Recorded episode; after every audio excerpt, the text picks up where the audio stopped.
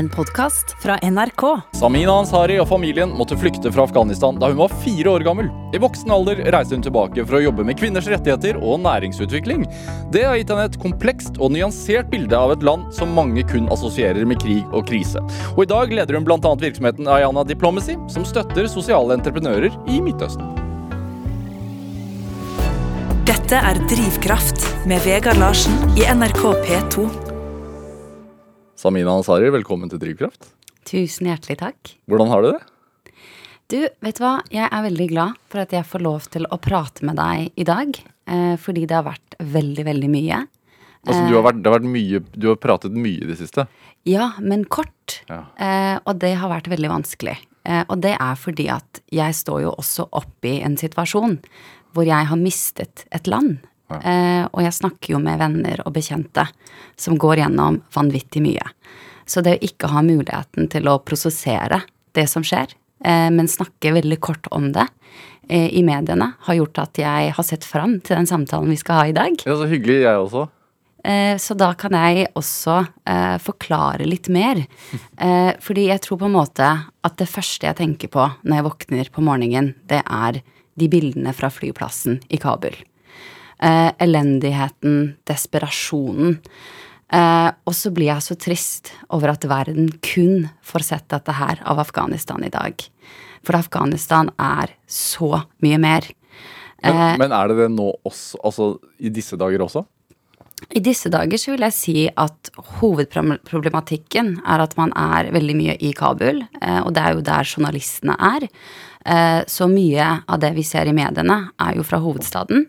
Eh, Så jeg er litt nysgjerrig på hva som skjer i de andre provinsene, selvfølgelig. Men jeg kan jo tenke at akkurat nå så er det veldig vondt. Men landet har jo vært mye mer enn det som skjer akkurat nå.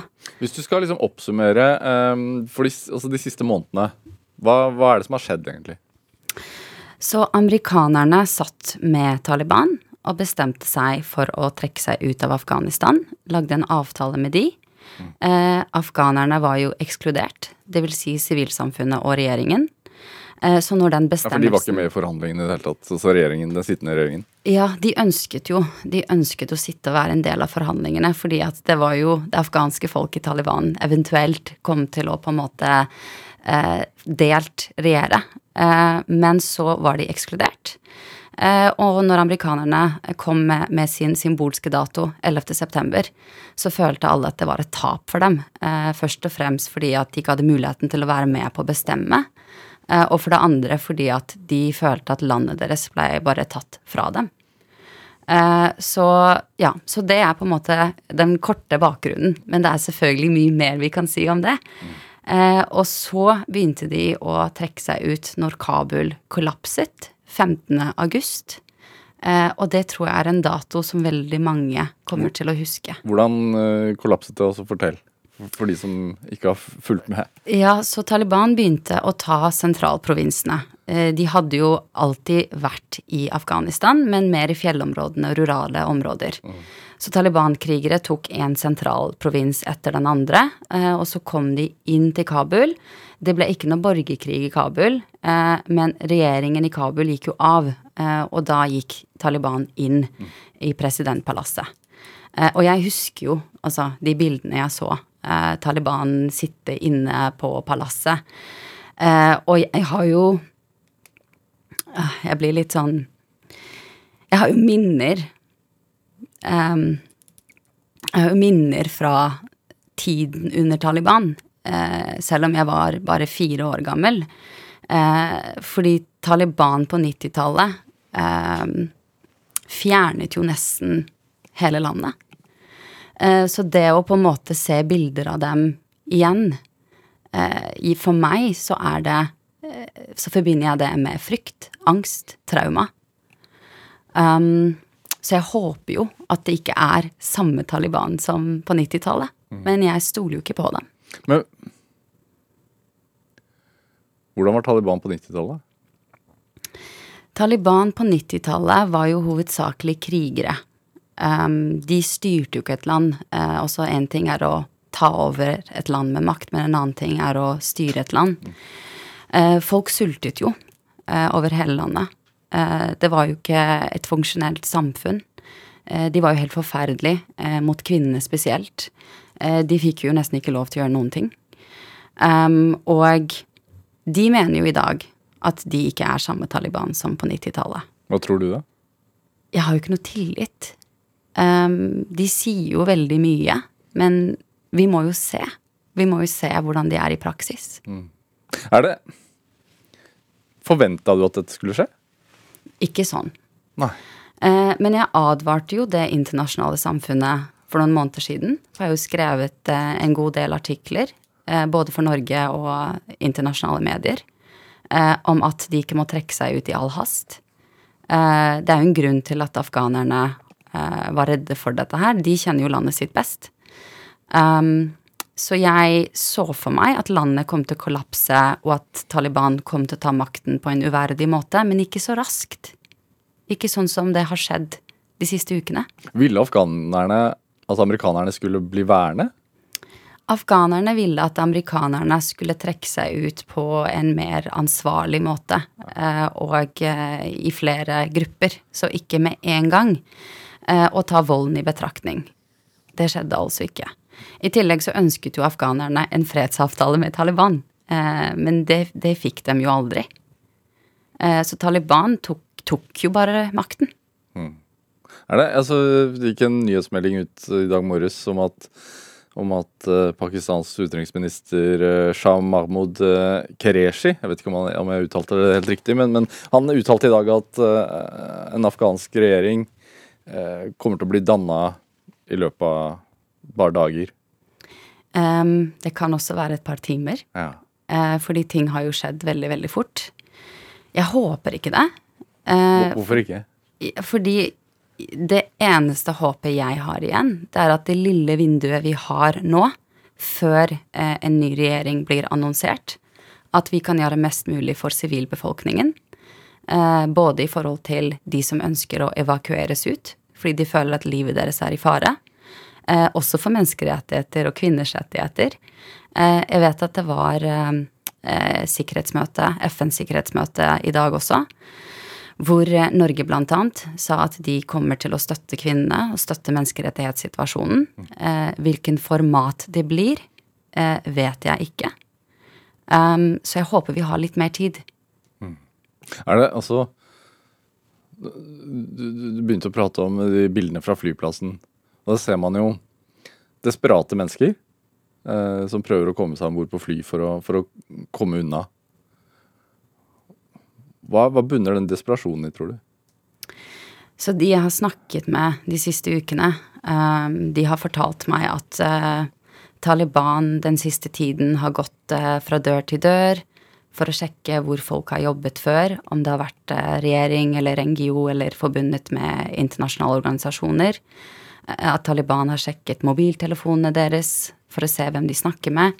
Så jeg vil nok si at det er, det er mye terror, eh, for det er jo det terror er. Skape mest mulig frykt. Eh, Og så tenker jeg jo at de aller fleste har de samme minnene som jeg har av Taliban fra 90-tallet. Um, og så er det jo også sånn at uh, Taliban har jo ikke vært tydelige på hvem de er, hva de ønsker, hva slags regjering uh, landet kommer til å ha framover. Um, og jeg tenker at den usikkerheten de føler på, kombinert med usikkerheten som blir forsterket av Talibans måte å være på, gjør at du tenker at den eneste veien er ut av landet. Og så må jeg også understreke at veldig få av de jeg har pratet med, ønsket å forlate Afghanistan før. Så ingen ønsker å være flyktning. Det er jo ikke, For meg så er ikke det et valg du tar. Eh, For meg så er det noe du gjør fordi du må. Um, men det er jo vanvittig trist eh, å se eh, hvordan ting har utviklet seg, også for Norge, som har vært involvert i Afghanistan i 20 år. Hvordan At det skulle ende sånn. Ja. Hva kunne man gjort? Altså, kunne Norge gjort noe annerledes? Eh, For det første så må Norge ta en skikkelig refleksjon på om de skal dras inn i kriger av USA i fremtiden igjen. Eh, Fordi mye av kommunikasjonen som har vært ute, har handlet om at Nato ville inn, og vi var en god alliert. Nato ville ut, vi var en god alliert. Men vi har jo mye mer makt enn det, vil jeg tro. Eh, Og så tenker jeg, nå, nå var jeg jo ikke en del av de interne samtalene i forhold til tilbaketrekkelsen, men jeg lurer på om det var det var ett eller to land som var en del av de allierte, som fortalte USA Skal vi virkelig gjøre det sånn? Altså alt dette her for å erstatte Taliban med Taliban. Er det Det er, er jo nesten alltid sånn, er det ikke det? Det har vært sånn veldig lenge. Eh, men det jeg tenker er annerledes med denne krigen, det er at nummer én, vi har alle mer tilgang på mer informasjon. Takket være sosiale medier. eh, Og også fordi at verden har blitt et mindre sted. Um, så det at vi vet mer, bør jo gjøre at vi gjør mer. Uh, og så er ting nummer to at selv om det har endt på en så tragisk og forferdelig og umenneskelig måte, så er det fortsatt ting vi kan gjøre. Som for eksempel. Um, for det første så må vi ikke glemme at sivilsamfunnet ikke er Taliban. Og det er 37 millioner mennesker. Uh, og bare den siste uken så har bankene vært, stengt. Det er allerede et pengeproblem i Kabul. Um, og Taliban vil trenge støtte fra det internasjonale samfunnet. Så om vi kan legge press dersom det blir en ren Taliban-regjering, som er på en måte det verste utfallet, så kan man legge press på dem om at hvis dere ønsker internasjonale penger, så må dere respektere menneskerettigheter, og spesielt kvinners rettigheter. Eh, og den andre tingen man kan gjøre på individnivå, søke informasjon om Afghanistan, fordi det landet er så mye mer enn krig. Eh, og dette sier jeg spesielt fordi at de bildene man ofte har av Afghanistan, som du kanskje også har, er tanks i gatene, kvinner i burka. Det gjør at man blir så distansert fra landet og menneskene. Fordi det ville vi jo nesten aldri hatt her på Marienlyst. Um, så jeg tenker at det å på en måte sette seg inn i å forstå kulturen, tradisjonen, uh, kjenne på de følelsene som mennesker føler overalt i hele verden, håp og kjærlighet, det tror jeg er veldig viktig.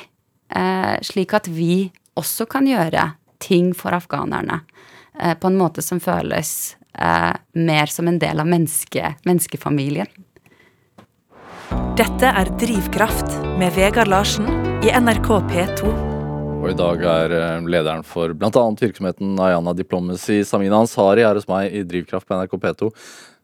Altså, det er ikke så veldig lenge siden du reiste hjem fra Afghanistan? Eh, nei, jeg kom tilbake til Norge slutten av januar. Hva, hva er grunnen? Altså, måtte du dra? Følte du? Eh, jeg følte at det ble vanskelig å jobbe eh, slik som jeg hadde jobbet før. Um, Hvordan merket du det? Taliban hadde jo allerede begynt med målrettede drap. Eh, senere så har det kommet meldinger om at det kanskje var Daesh og ikke Taliban.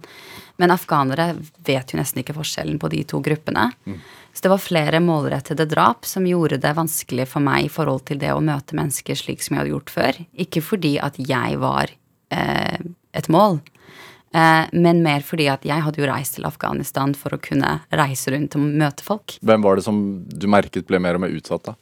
Det var eh, sivil samfunnsaktivister, menneskerettighetsaktivister, journalister, eh, unge afghanere med utdannelse.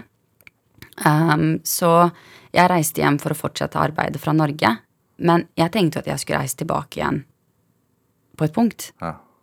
Hva tenker du nå? Det er jo veldig trist å vite at det ikke er det samme landet, og det vil det ikke være uansett hva som skjer fremover. Um, jeg håper jo at jeg kan det, men sannsynligheten for det virker jo veldig liten akkurat nå. Eh, de vennene mine som jeg har snakket med, som enten har blitt skvist ut av landet de siste ukene, eller som fortsatt er igjen fordi de ikke har hatt muligheten til å dra ut, eh, de sier jo at den 11. september-generasjonen, eh, at den perioden er over for dem. Og det de mener med det, det er at de siste 20 årene har vi hatt fredsoppbygning i Afghanistan. Veldig mye håp, masse driv og motivasjon om å gjøre ting bedre.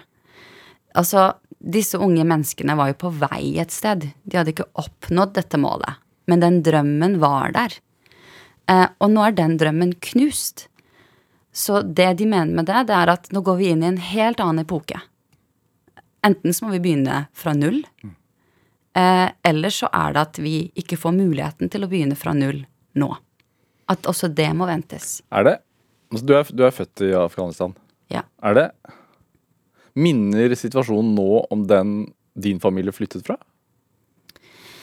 Jeg flyttet fra Afghanistan når jeg var fire. Um, jeg har uheldigvis bare dårlige minner. Uh, Hva ikke- husker du? Um, jeg husker uh, Det jeg husker, er hva foreldrene mine følte. Mer enn hva jeg så. Uh, mye frykt. Veldig mye frykt. Hvor- Hvordan da, liksom? Um, min mor var jo lærer, og hun fikk jo ikke lov til å jobbe. eh, fordi Taliban ønsket ikke kvinner i arbeid. Eh, og så var det søsknene mine.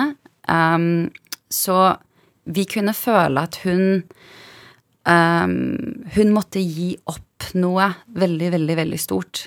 Og det var ikke bare å reise fra et land, men det var muligheten til å kunne oppdra barna sine i det landet som hun elsket, og som hun kjente. Jeg husker bare bruddstykker fra man er så ung, men hva er det du husker? Er det en sorg hos foreldrene dine, eller et sinne, eller er det En kombinasjon av alt. Men jeg tenker at sorg som ikke er prosessert, blir jo sinne. Så der og da så var det sinne. For det er jo en følelse jeg har følt på selv de siste ukene. Eh, Hver gang jeg går på og skal snakke, så tenker jeg enten så gråter jeg i dag, eller så er jeg sint. Men veldig ofte er jeg sint. Fordi man trenger mer tid for å kjenne på sorgen. Og det også er en annen ting at afghanere har jo ikke hatt muligheten til å prosessere det som skjer med landet deres akkurat nå. Selv vi som sitter i Norge, har ikke hatt tid til å prosessere dette her. Um, så jeg hører jo mye sinne fra, fra unge mennesker i dag også. Er det Hvor bodde dere? Uh, Så jeg er født i Nord-Afghanistan. Et sted som heter Samangan. Eh, Veldig historisk sted. Em, Grønne enger, mandeltrær. Eh, Og det er også eh, den provinsen som lager et instrument som heter dambora.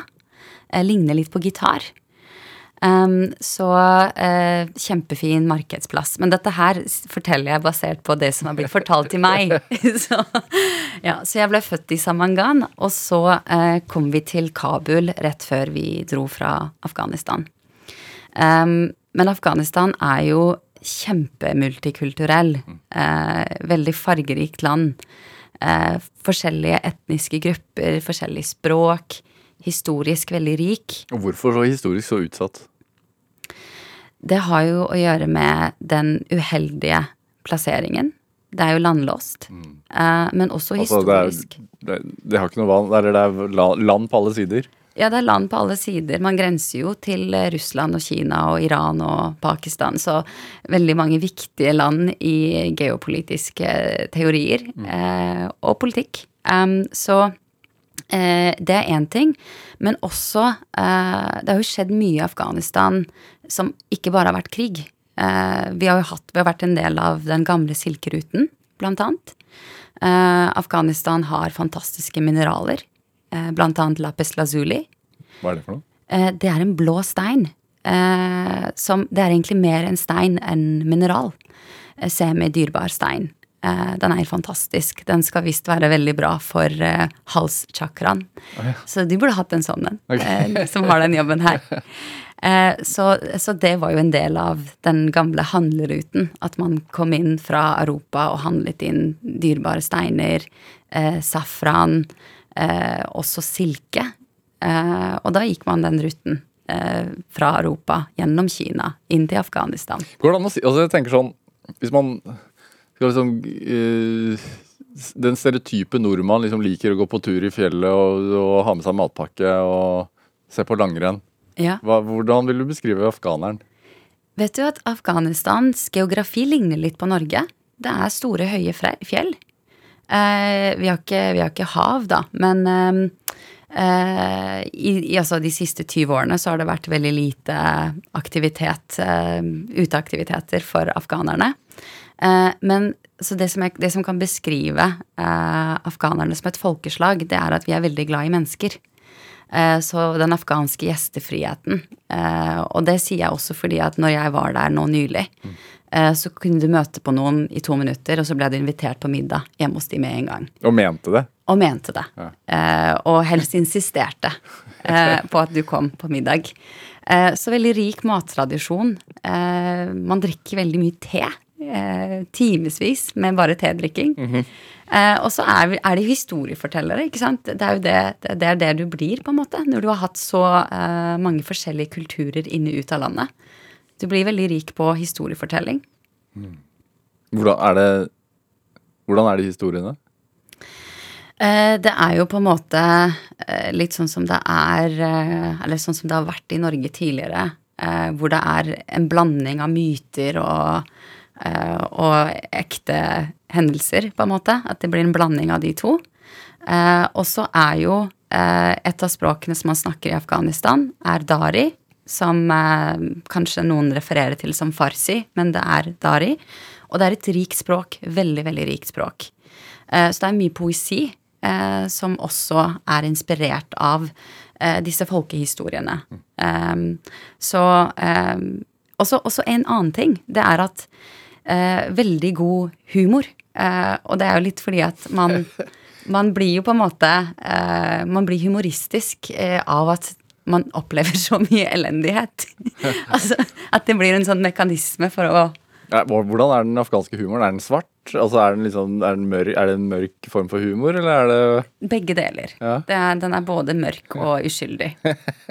Er det, altså Du sier at um, moren din var lærer. Var jo faren din? Eh, min far var general i Nordalliansen.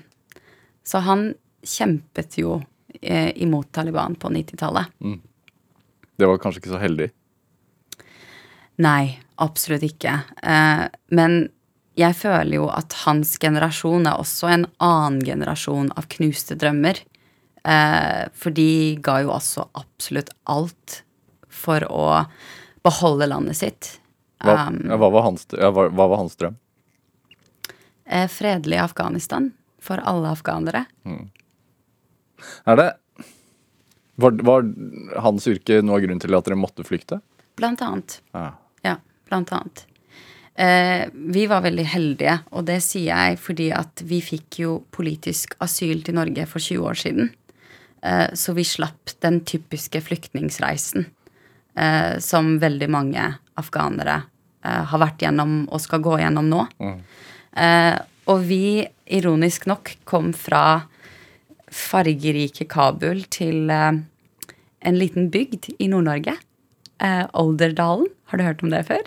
Nei, jeg hadde faktisk ikke det før, før jeg leste at du hadde flyttet dit. Ja, så det er, jeg tror det er 300 mennesker eh, som bor der. Eh, og så er, har du på en måte hav på den ene siden og fjell på den andre siden. Eh, så vi kom dit, og jeg tror foreldrene mine gikk på veggen når de kom, når de kom til den lille bygden, og det var helt stille. Men har det Ble du tidlig eh, opptatt av Afghanistan? Ja, eh, det gjorde jeg nok. Men jeg tror ikke at det var hovedgrunnen til at jeg ble så engasjert. For veldig mange eh, afghanere i diasporaen snakker jo om Afghanistan hjemme med foreldrene sine. Eh, og det er eh, en kombinasjon av at man ikke har fått muligheten til å vokse opp et sted som er ens første hjem på mange måter. Eh, men også fordi at eh, Afghanistan har jo vært mye i mediene. Så man er jo nysgjerrig på hva mer, hva mer er det. Eh, jeg tror for meg så var det en kombinasjon av samtalene hjemme og også eh, hva jeg selv gjorde senere i livet. Gjennom studier og mennesker jeg møtte. Eh, så det at jeg reiste tilbake til Afghanistan i 2015, det var ikke fordi at jeg eh, bare var nysgjerrig. Det var også fordi at jeg følte at jeg kanskje kunne bidra eh, med, med mine kvalifikasjoner.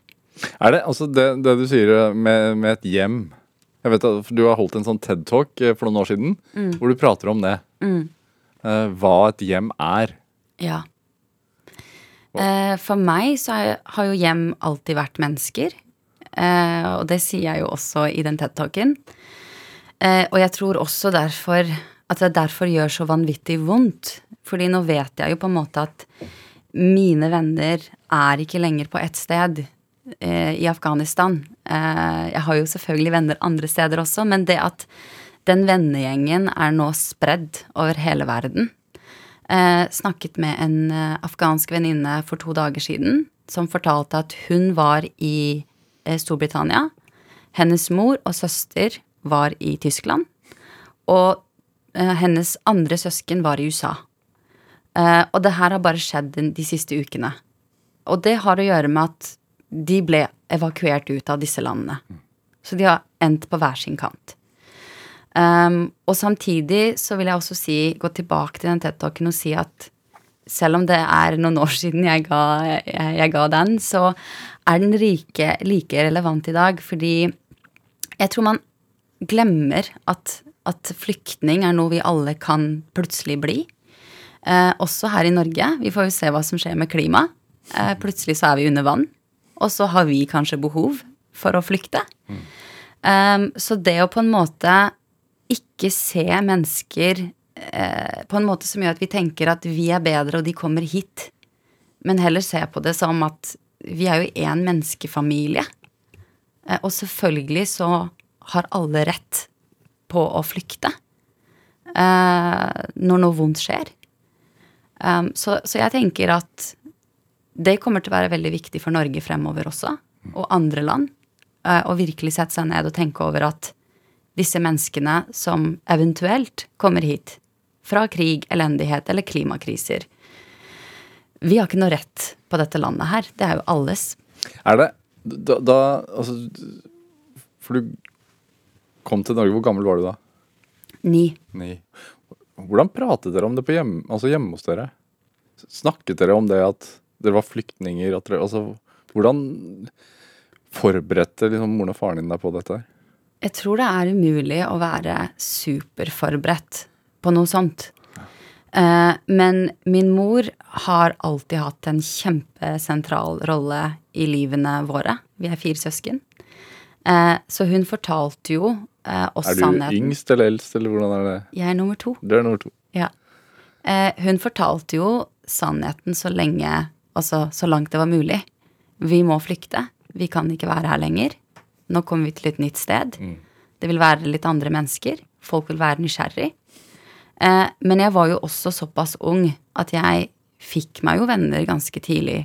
Jeg var ni, og barn vil jo bare leke med hverandre, på en måte. Eh, men jeg husker jo også at når vi flyttet til Olderdalen, at jeg eh, og min søster eh, ble spurt om vi var Pocahontas. Fordi de barna hadde ikke sett eh, jenter med mørkt hår før. Det her er 20 år siden i Nord-Norge. ja, men eh, altså Jeg tror folk flest var bare nysgjerrig.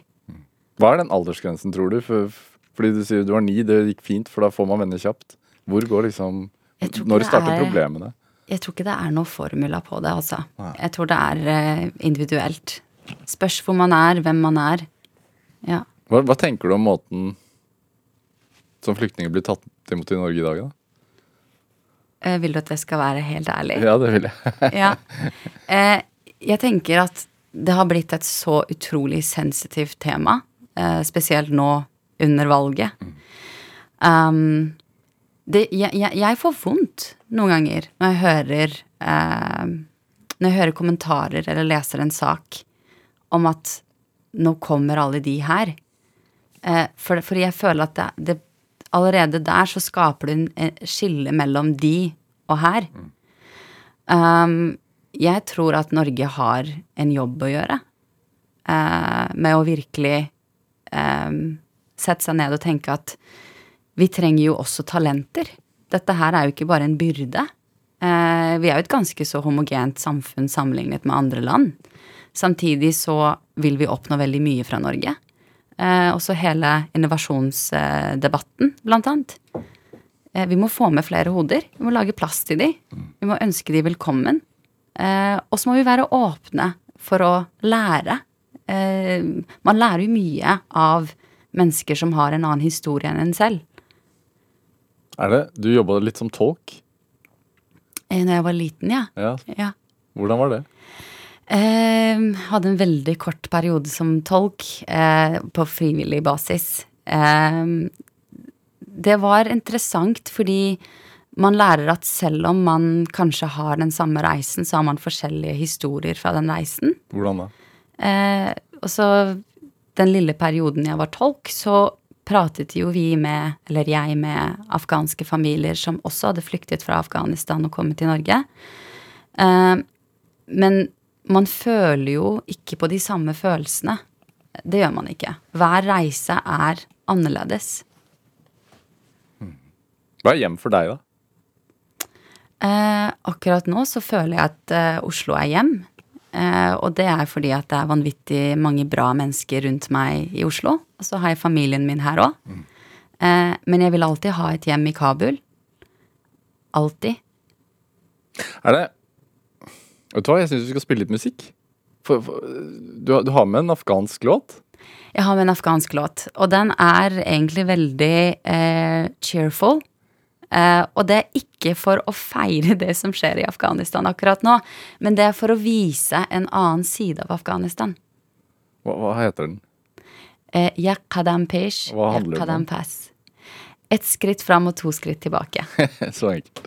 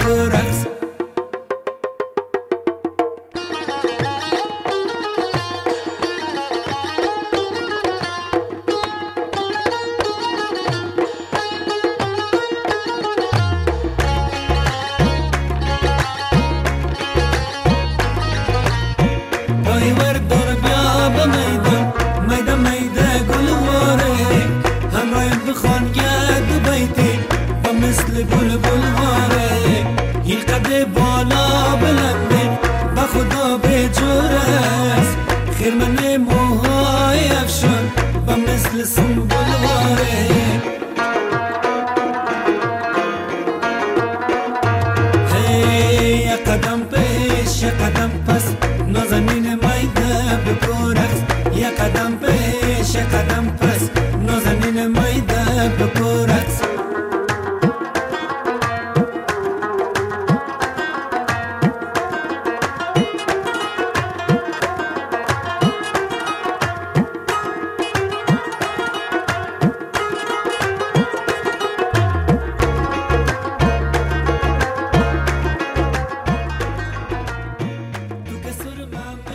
en eh, smakebit av uh, Yakadam Pesh av eh, Javid Sharif her i Drivkraft på NRK P2, valgt av dagens gjest, eh, nemlig leder for Aviana Diplomacy, Samina Ansari. Eh,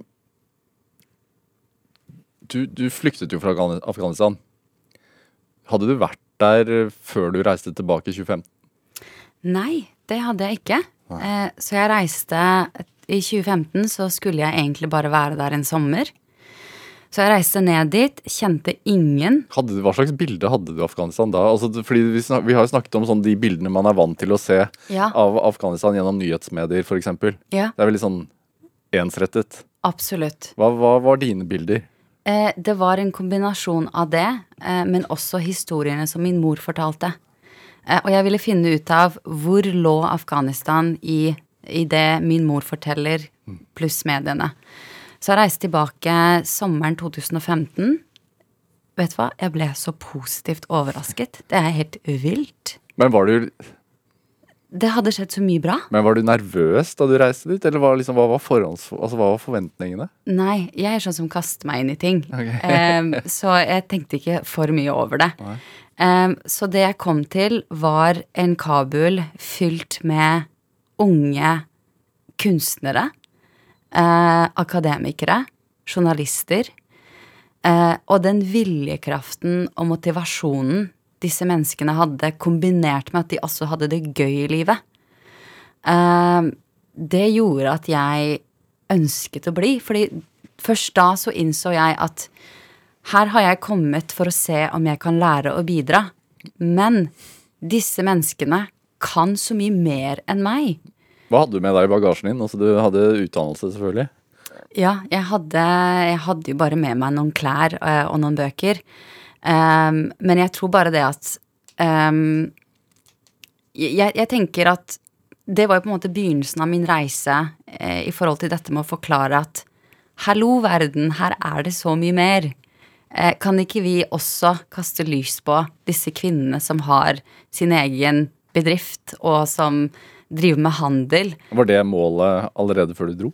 Eh, målet var jo å lære fra kvinnene. Det var det jo absolutt. Og det er jo fordi at medier har jo snakket om kvinner som stakkarslige aktører, og vi må hjelpe de på en måte.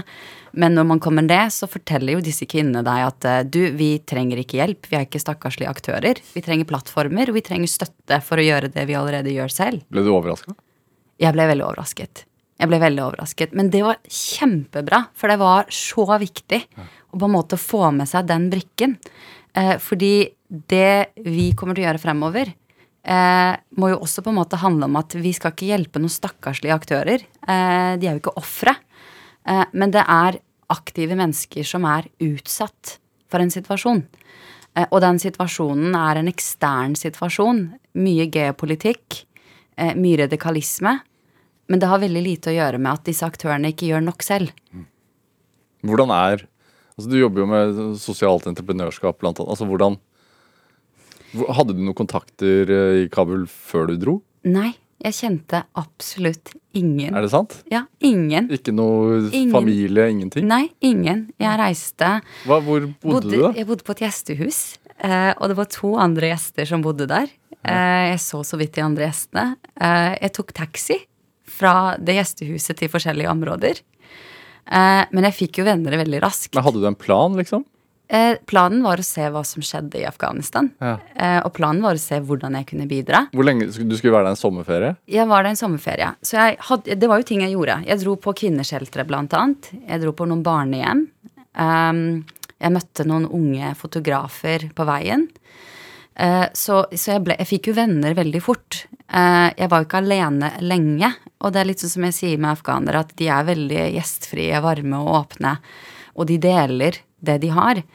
Um, så, så den reisen ble da begynnelsen på alt det andre.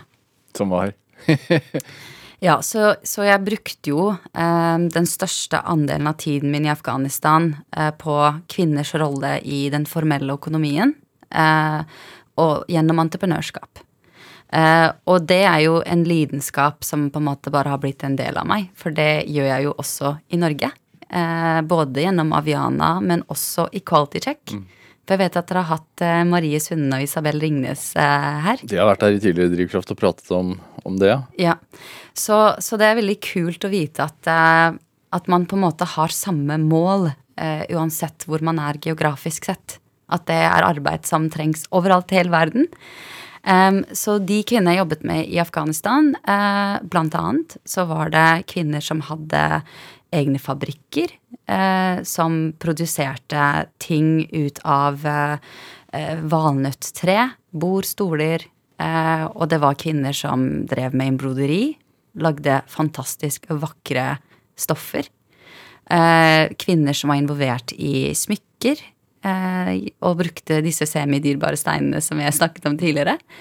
Eh, og de trengte ikke å bli fortalt hva deres rettigheter var. De trengte bare tilgang til hvordan de kunne få solgt produktene sine. Eh, de trengte plattformer til å snakke om eh, produktene sine. Eh, og så var det én ting de var veldig tydelige på, som jeg har sagt flere ganger. Det er at de fortalte meg at det er ingen som kan være deres stemme. For du kan ikke erstatte noen stemme. Så når jeg har blitt fortalt senere er du stemmen til afghanske kvinner, så er jeg veldig, veldig tydelig på at absolutt ikke. De, de har sin egen stemme. Jeg er bare en liten munnbit eh, som har en plattform nå og kan snakke. Um, så, så jeg tror på en måte de elementene har vært veldig viktig for, eh, for det arbeidet som jeg nå har foran meg. Eh, og som veldig mange andre også har foran seg. Men hva er målet ditt? eh, Altså å få kontakter og starte business i, i, i Afghanistan? Nei, målet var ikke det til å begynne med. Eh, målet ble det etter hvert. Og det er fordi at jeg innså når jeg var der, at bistandsmodellen i Afghanistan ikke fungerer. Hvordan? Ikke at vi ikke trenger bistand, det gjør vi. Men bistand kan ikke være den, ene løs den eneste løsningen for, eh, for økonomisk utvikling. Eh, tvert motsatt, egentlig. Eh, så jeg innså at næringslivet i landet hadde fått veldig lite oppmerksomhet. Eh, og jeg innså også at eh, disse kvinnene jeg traff, eh, den gruppen har jo så vidt blitt snakket om utad. Eh, vi har fokusert så voldsomt mye på eh, rettighetstrening at vi har glemt at de er aktører som faktisk bygger et land. Um, så, så derfor så ble jeg inspirert til å sette opp uh, Aviana. Og Aviana betyr egentlig en vakker og sterk kvinne. Gammelt engelsk ord. Og det er en referanse til Afghanistan. Afghanistan er kvinne. Uh, og akkurat nå er hun veldig, veldig sint uh, på hele verden. Um, og formålet ble da å kombinere kvinners rolle i sosialentreprenørskap, men da også samtidig vise landet fra sitt beste side. Eh, dele historier som gjør at man kan kanskje føle seg litt nærmere. At man kanskje kan tenke at det som skjer i Kabul, kunne skjedd på Gardermoen. Eh, selv om det vil nok mest sannsynlig aldri skje, fordi geopolitisk så er vi veldig langt opp nord. Eh, men også for å vise at afghanere har jo bidratt til menneskehistorien i flere hundre år. Fordi på 1400-tallet så var um, byen Herat, som ligger eh, i grenseland mellom Iran og Afghanistan, det var et senter for eh, verdens kunst. Så det var kunstnere fra hele regionen som kom dit og viste fram kunsten sin. Og disse kunstverkene har, har jo fortalt en historie gjennom tiden som har inspirert veldig mange poeter, forfattere. Så det å vise at Afghanistan ikke bare er et land som tar, men et land som også har, har gitt, eh, jeg tror det elementet er veldig viktig. Hva, hvordan ble du møtt, da? Var det Var, var, var de bedriftene åpne for, eh, for hjelp utenfra? Eller din ekspertise, holdt jeg på å si? Ja, og så veldig mange av de kunstnerne som jeg samarbeidet med, ble jo etter hvert venner. Eh, de ble jo vennene mine.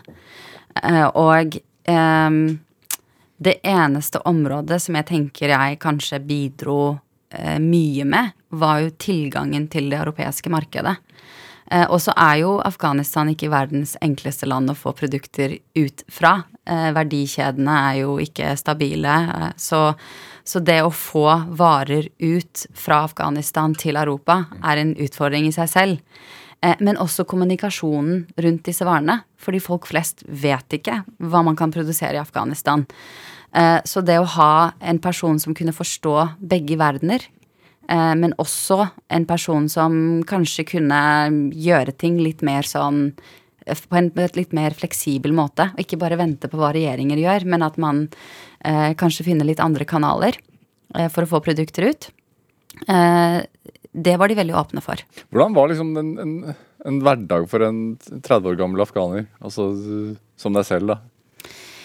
Jeg vil nok si at jeg verken passer i kategorien afghaner eller nordmann. Så, så hvis jeg forteller deg om min hverdag, så Nei, er ikke ikke det representativt. Jeg tenker nå i Kabul, ja. Før, før Før Kabul kollapset. Ja. Eh, altså, unge mennesker i storbyene ble jo veldig opptatt av utdannelse.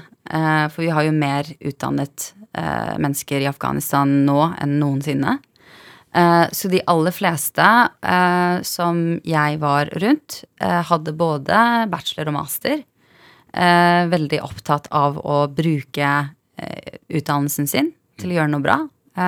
Og så er det jo også viktig å på en måte illustrere at hele den afghanske verdikjeden de siste 20 årene var jo menneskene. Fordi systemene var jo såpass svake at de kollapset på noen timer.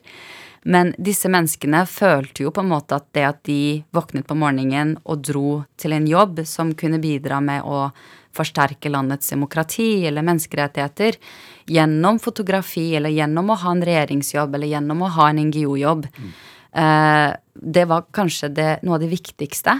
Eh, og så var det på en måte hjem med familie, middag. Og fredager er helg i, i Afghanistan. Eh, og da vil jeg nok si at de aller fleste tilbringer også hele den dagen med familie. Eh, men de som har mulighet til det, er ofte med venner. Og da spiser man jo mat fra klokken tolv til midnatt. Altså tolv på dagen også.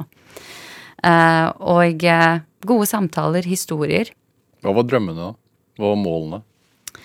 Målet var å jobbe mot noe som ingen av de egentlig har erfart før. Ikke jeg heller. Fred. Altså, vi har jo aldri sett landet vårt i fred. Eh, så det var på en måte drømmen om fred eh, som kanskje er den største ambisjonen eh, en kan ha. Skape, skape fred for at du har muligheten til å være på et sted og oppdra barna dine på det stedet med alle de minnene du har, og alle de minnene de kan skape. Eh, så det er nummer én. Og så tror jeg nummer to eh, var også at de jeg pratet med, følte at Afghanistan var så misforstått av verden. Eh, og at den misforståelsen ble bare forsterket av globale medier. Eh, også sånn som nå. Nå er plutselig Afghanistan på agendaen igjen. Fordi noe helt forferdelig har skjedd. Hvor var vi? Altså sånn når mye bra skjedde. Eh, altså alle de gode tingene har fått så lite oppmerksomhet. Arendal, er det altså De du pratet med som er jevnaldrende med deg, som, da, som du sier, som aldri har opplevd at landet har hatt helt fred. Hva gjør det med, med, med de som mennesker? Jeg tror at eh, sånn som situasjonen er nå, så er jeg veldig, veldig bekymret for de. Ja. Um, For var det et håp der? det var et håp der. Ja. Absolutt. Absolutt. Det håpet var nok det eneste som drev de fremover. Fordi du må forstå, forstå meg rett, det var jo, selv om det var veldig mye positivt som skjedde de siste 20 årene, så var jo krigen alltid der, i bakteppet. Eh, og jeg tror bare det at det å vite på en måte at du har en dinosaur som løper bak deg. Du løper. Uansett hvor god du er til å løpe, så, så løper du jo. Så de visste jo at krigen var veldig nær. Om det var i rurale områder eller provinser eller av og til i Kabul, med eksplosjoner eller målrettede drap. Så de skjønte jo hva de kunne tape om de ikke fortsatte. Eh, men, men, men i forhold til det å på en måte levere for at ting skal bli bedre, at unge mennesker må ta på seg det ansvaret, altså kan du tenke deg på den enorme byrden du bærer på.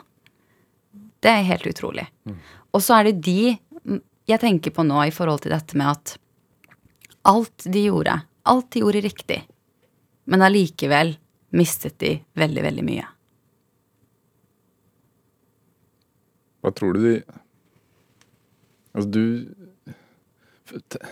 hva, hva føler du da Matt, at, du reiste hjem? og Altså, Jeg følte jo også at av det at jeg også er norsk og har norsk pass og kan ta fly ut av landet, så nettopp på grunn av det så følte jeg på en måte at selv om jeg så mye av meg selv i disse unge menneskene, så så ikke de nødvendigvis seg selv i meg. Fordi det som gjorde meg annerledes, er at jeg kunne pakke og dra når ting ble vanskelig. Um, jeg har jo følt på veldig mye skyld. Selvfølgelig føler jeg på skyld. Fordi jeg kom hjem i januar. selv om du, altså, du skal ikke føle skyld for noe. Nei, nei, nei, absolutt ikke. Ikke, ikke at det er eh, rasjonelt. Det er det ikke. Um, og samtidig så må jeg også si at det, det som har gjort meg um, Det som gjør at jeg føler meg litt, litt glad de siste dagene, har vært at disse menneskene som mistet stemmen sin fullstendig når eh, krigen brøt lø løs de siste ukene, de har begynt å snakke igjen, og det er fordi de er i trygghet. Uh, og det tenker jeg er kanskje noe av det viktigste. Å høre deres stemmer. Uh, mine bekjente har begynt å tweete igjen. Fra Tyskland, fra USA, fra flyplassen i Doha, fra flyplasser i andre deler av verden. Ikke fra Kabul. Uh, veldig lite. Veldig lite. Um, de har begynt å snakke igjen og dele sin historie. Eh, og det er de vi må høre fra, fordi de vet best hva som har skjedd, og hva de trenger. og hva landet trenger. Du har vært masse i media den siste tiden og, og, og, prata om Afghanistan. Hva, hva, hva tenker du om tiden fremover for deg? Um, jeg håper uh, at USA ikke sender bomber ned til Afghanistan for å bekjempe IS. Eh, sånn dro, droneangrep som allerede altså, som de allerede har gjort. Som drepte ti sivile. Syv av de barn. Det ønsker ikke afghanerne. De ønsker ikke mer krig. Ikke noe mer krig. Um, så jeg håper jeg slipper å komme til mediene og snakke om eh, droneangrep og krig. Jeg håper jeg fortsatt får muligheten til å fortelle om landet. Til å dele mine historier. Eh, det er jo ikke det er jo ikke et fullstendig bilde av Afghanistan. Det er jo fortsatt mine historier. Um, men historier har veldig mye makt. Altså min mors fortellinger gjorde at jeg reiste ned. Um, Hva var det hun fortalte? hun fortalte om tiden hun var student på universitetet i Kabul. Hun fortalte om piknik hun hadde med venner på fredager. Hun fortalte om, om amerikanske sanger som hun hørte på radioen eh, på 80-tallet og 70-tallet. Eh, og de bildene som hun illustrerte for meg, var jo så langt unna det jeg så på nyhetene. Um, men de historiene betyr veldig mye. Eh, mye, mye mer enn de bildene vi ser på flyplassen. Hva tenker du om om fremtiden da, for Afghanistan? Det virker jo som det nærmest er umulig å spå. Altså at Uh... Ja, veldig vanskelig å spå. Jeg tror ikke noen vet dette her, men det jeg kan si, det er at afghanere har jo kjempet for sitt land i veldig lang tid, og de kommer til å fortsette den kampen. Det vil de gjøre. Men jeg håper at det kommer en dag hvor de ikke lenger trenger å kjempe. er, det, er det en grunn til at du valgte bare kvinnene i Afghanistan? Nei, jeg jobbet også med, med menn. Ja. Selvfølgelig gjorde jeg det. Menn må jo også med. Eh, og jeg fokuserte på kvinnene. Eh, det var jo den gruppen som inspirerte meg aller, aller mest. Eh, men jeg hadde en kort periode hvor jeg underviste på et universitet i Kabul. Og da hadde jeg 70% gutter i klassen. Hvordan var det, da? Å undervise? Eh, det var så fantastisk. Man lærer alltid mye mer enn det man lærer bort når man underviser. Sånn er Hvor gamle var de? Eh, de var eh, på universitetsnivå, så Ah, ja. mellom 18 og 22. Ja, hva lærte de deg, da? De lærte meg om landet, rett og slett. De, de satte mer konteksten rundt de tingene som jeg underviste. Og så var de så nysgjerrige og fulle av liv og driv, og alle skulle bli ledere. Alle skulle bli ledere, selvfølgelig. Er det, um, Samina Ansari, hva, hva tenker du er liksom drivkraften din nå? Um, drivkraften min nå er å på en måte uh, sette alle de ulike trådene sammen. Eh, Hvilke tråder? Min reise fra Afghanistan, min reise tilbake til Afghanistan, den jobben jeg har nå, her i Norge, Ja, Equality check og i Equality Check, eh, fremtiden til Aviana. Eh, sette alt dette her sammen. Og jeg ser jo sammenhengen. Det gjør jeg. Absolutt. Men det å på en måte klare også å vise sammenhengen For til syvende og sist så handler jo dette her om sosial bærekraft. Uten det så kan ikke vi snakke om hav- og vindenergi. hva, hva tenker du om fremtiden til Aviana, da? Altså sosialt entreprenørskap, hvordan skal det foregå? Altså, det er kanskje for tidlig å si, da. Nei, også Aviana samarbeider jo også med andre land. Ja, men med, nå tenker jeg på med Afghanistan. med Afghanistan. Eh, jeg tenker at mer enn noensinne så vil det arbeidet være superviktig. Eh, men vi får jo se hva slags regjering det blir, eh, og hva slags tilgang en som meg kan ha til Afghanistan. Samina Ansari, tusen takk for at du kom hit til Drivkraft. Tusen takk. Hør eh, flere samtaler i Drivkraft i NRK på nett, eh, eller på NRK-appen. Du kan også laste oss ned som podkast.